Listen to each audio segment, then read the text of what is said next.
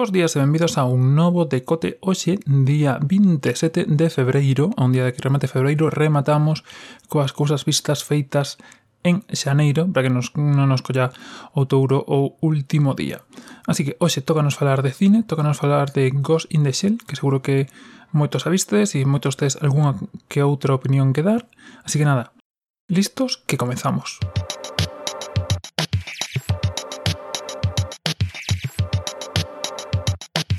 Comezamos cun disclaimer de que este vai ser o primeiro episodio do decote que vai estar aloxado noutro servidor, noutro sitio. Así que se si tedes problemas ou os que tais raro ou vedes algunha cousa diferente, que sella para mal, decidimos, e para ben, pois tamén podes dicir, pero non ten tanta importancia. Dito isto, pasamos a falar do tema de hoxe, como os decía, é Ghost in the Shell, a película 2017 eh, dirixida por Rupert Sanders.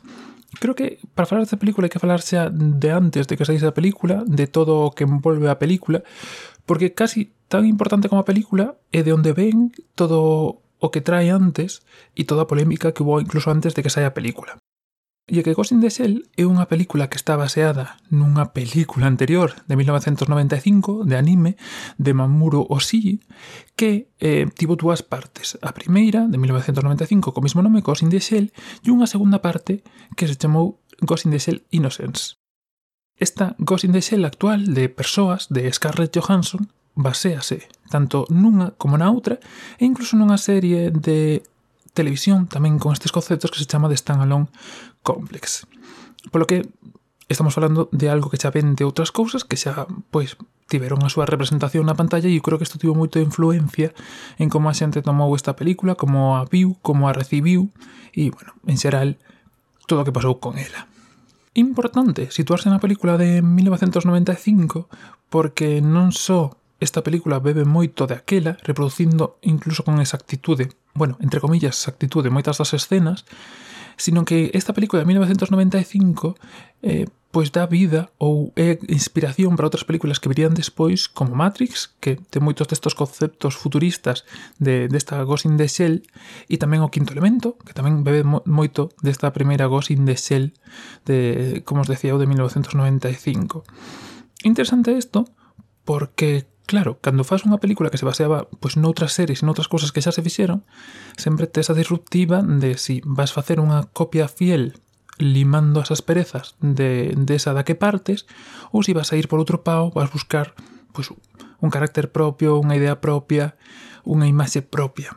Ao final o resultado pois parece que é máis unha mezcla de ambas, aínda, aínda que se que temos que tirar, pois é máis un produto hollywoodiense pola parte negativa que pode ter ese concepto, que é unha aposta polo que Ghost in the Shell, a Ghost in the Shell pois original, vamos a decirlo así, apostaba.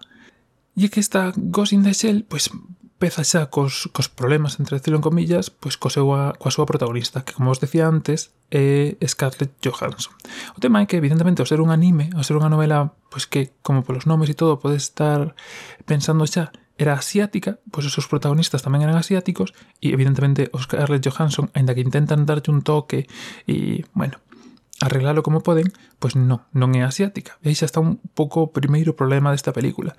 que non sei por que hai que americanizar, non se pode facer unha película de Hollywood sin que sexan os actores hollywoodienses, sin que sexan grandes estrelas de Hollywood, e de seguro que hai estrenas asiáticas en Hollywood que podían facer o papel, pero bueno, Aí está xa a primeira, a primeira parte un pouco complicada. A segunda, e o que puiden ler, é que moita xente que viu as anteriores películas, pois, evidentemente, esta nova falta desa, desa explosividade ou de algo que a caracterice, de algo que chama atención comparada coas outras. Porque non acaba de ir ela polo seu propio camiño, sino que, pois, como os decía, basease moito en imaxes e cousas das anteriores. Porque, eh, para que a xente que ven de ver todo o que vos dixen antes, de ver as dúas películas de Golden de Ser e, e a serie de televisión de Stan Alone Complex, non se atopa con un novo produto, con algo que lle chama atención, con algo que revisite as ideas e os conceptos que, que traía a película original, sino que máis ben pois atopase con, con un refrito, podemos decir. Pero bueno, falando un pouco da película, que ata agora van casi 5 minutos e, e nos metimos solo co, co contexto. A película basease un pouco no que vai o nome, É dicir,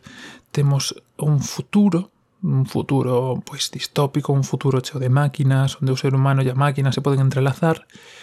onde a xente pode ter modificacións, pois mellores ollos, mellores brazos, mellores cousas. Nese sentido, nese apartado artístico de, do futuro, pois está moi traballado e evidentemente pois notase. Non podemos comparar unha película, ainda que fose de animación, de fai 20 anos co, co momento actual, con Blade Runner, con Matrix se ha pasado, con moitas cosas que sí que van asentando.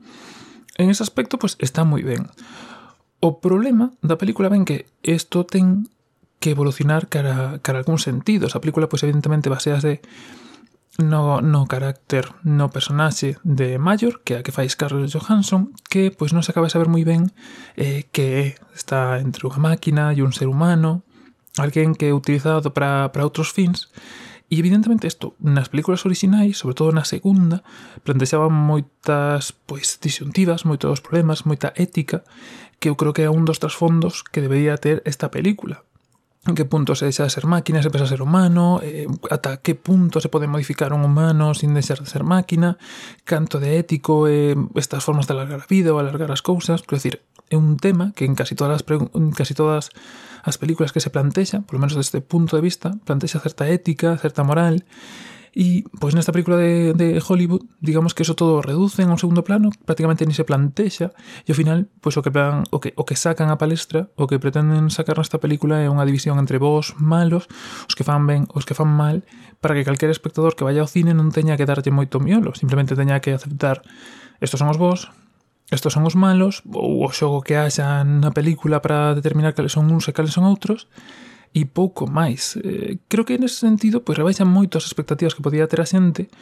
pois é eh, por eso mismo, porque eh, non non plantexa algo que un futuro tan distópico, un futuro tan tecnolóxico, pois debería plantexar a xente como fan outras series das que falaremos, como como Altered Carbon, que falaremos o, o próximo o próximo mes, bueno, realmente a próxima semana,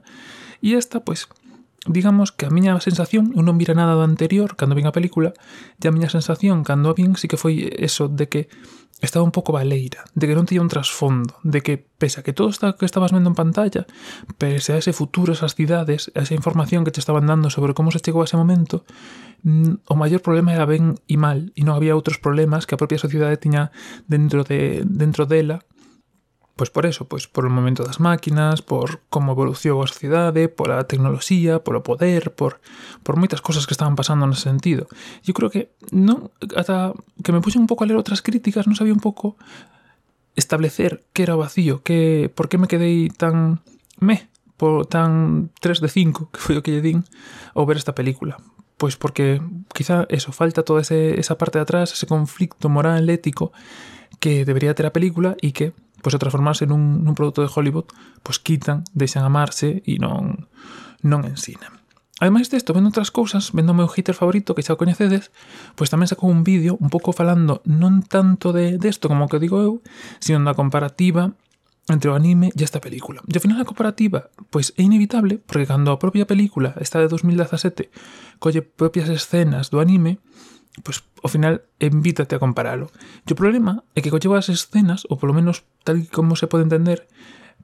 para darlle un tono artístico, para, digamos, para chamar a atención, porque son escenas, bueno, algunhas incluso se ven nos trailers, a típica escena de Scarlett Johansson na cama e ves o fondo, eh, toda esa cidade tecnolóxica detrás, E en vez de coller as escenas, pois para afondar máis nos personaxes, para utilizar ese fondo tecnolóxico, para, pois eso, que, por exemplo, nesa escena, no anime original, digamos que o importante, onde estaba a luz, era na tecnoloxía, na cidade, en todo o que estaba ocorrendo ao mesmo tempo. Mentre que nesta película actual, nesa escena, a luz está na cama de Scarlett Johansson e o que buscan é que te fixes nela e non tanto no trasfondo. En ese sentido, pois dallo fai un análise un pouco máis profundo do que podo facer eu agora de como pese a coller as mesmas escenas e os mesmos momentos da, da película de anime de 1995, non poñen o punto de atención o foco eh, nas mismas cousas. E eu creo que eso tamén pois vai un pouco en contra da propia película. Pero, ao mesmo tempo, pois pode ser tamén ese proceso que, como os digo, ten a película de, de, de quitar cousas que poidan facer que, que o espectador teña que pensar máis do debido e poñelo todo moito máis inseliño e moito máis masticable. Non, non sei. En xeral, a película cumple, quero decir, pois un 3 de 5, unha película bonita de ver, entre polos ollos, ten unha historia, pois, que está ben, que te leva ao final, tampouco é ninguna obra maestra, pero bueno, está bastante ben. Se si non a vistes, pois, mm, botade un ollo, xa sabedes que a tedes no meu plex, se a credes, así que pedideme invitación, que aí vos vai. E nada máis, este é a última deste mes, espero que vos gustasen. Verémonos de novo, se non esta semana seguinte, xa coas de febreiro. E nada máis por hoxe, que teñades un bo martes, un bo día, un saúdo e ata a próxima.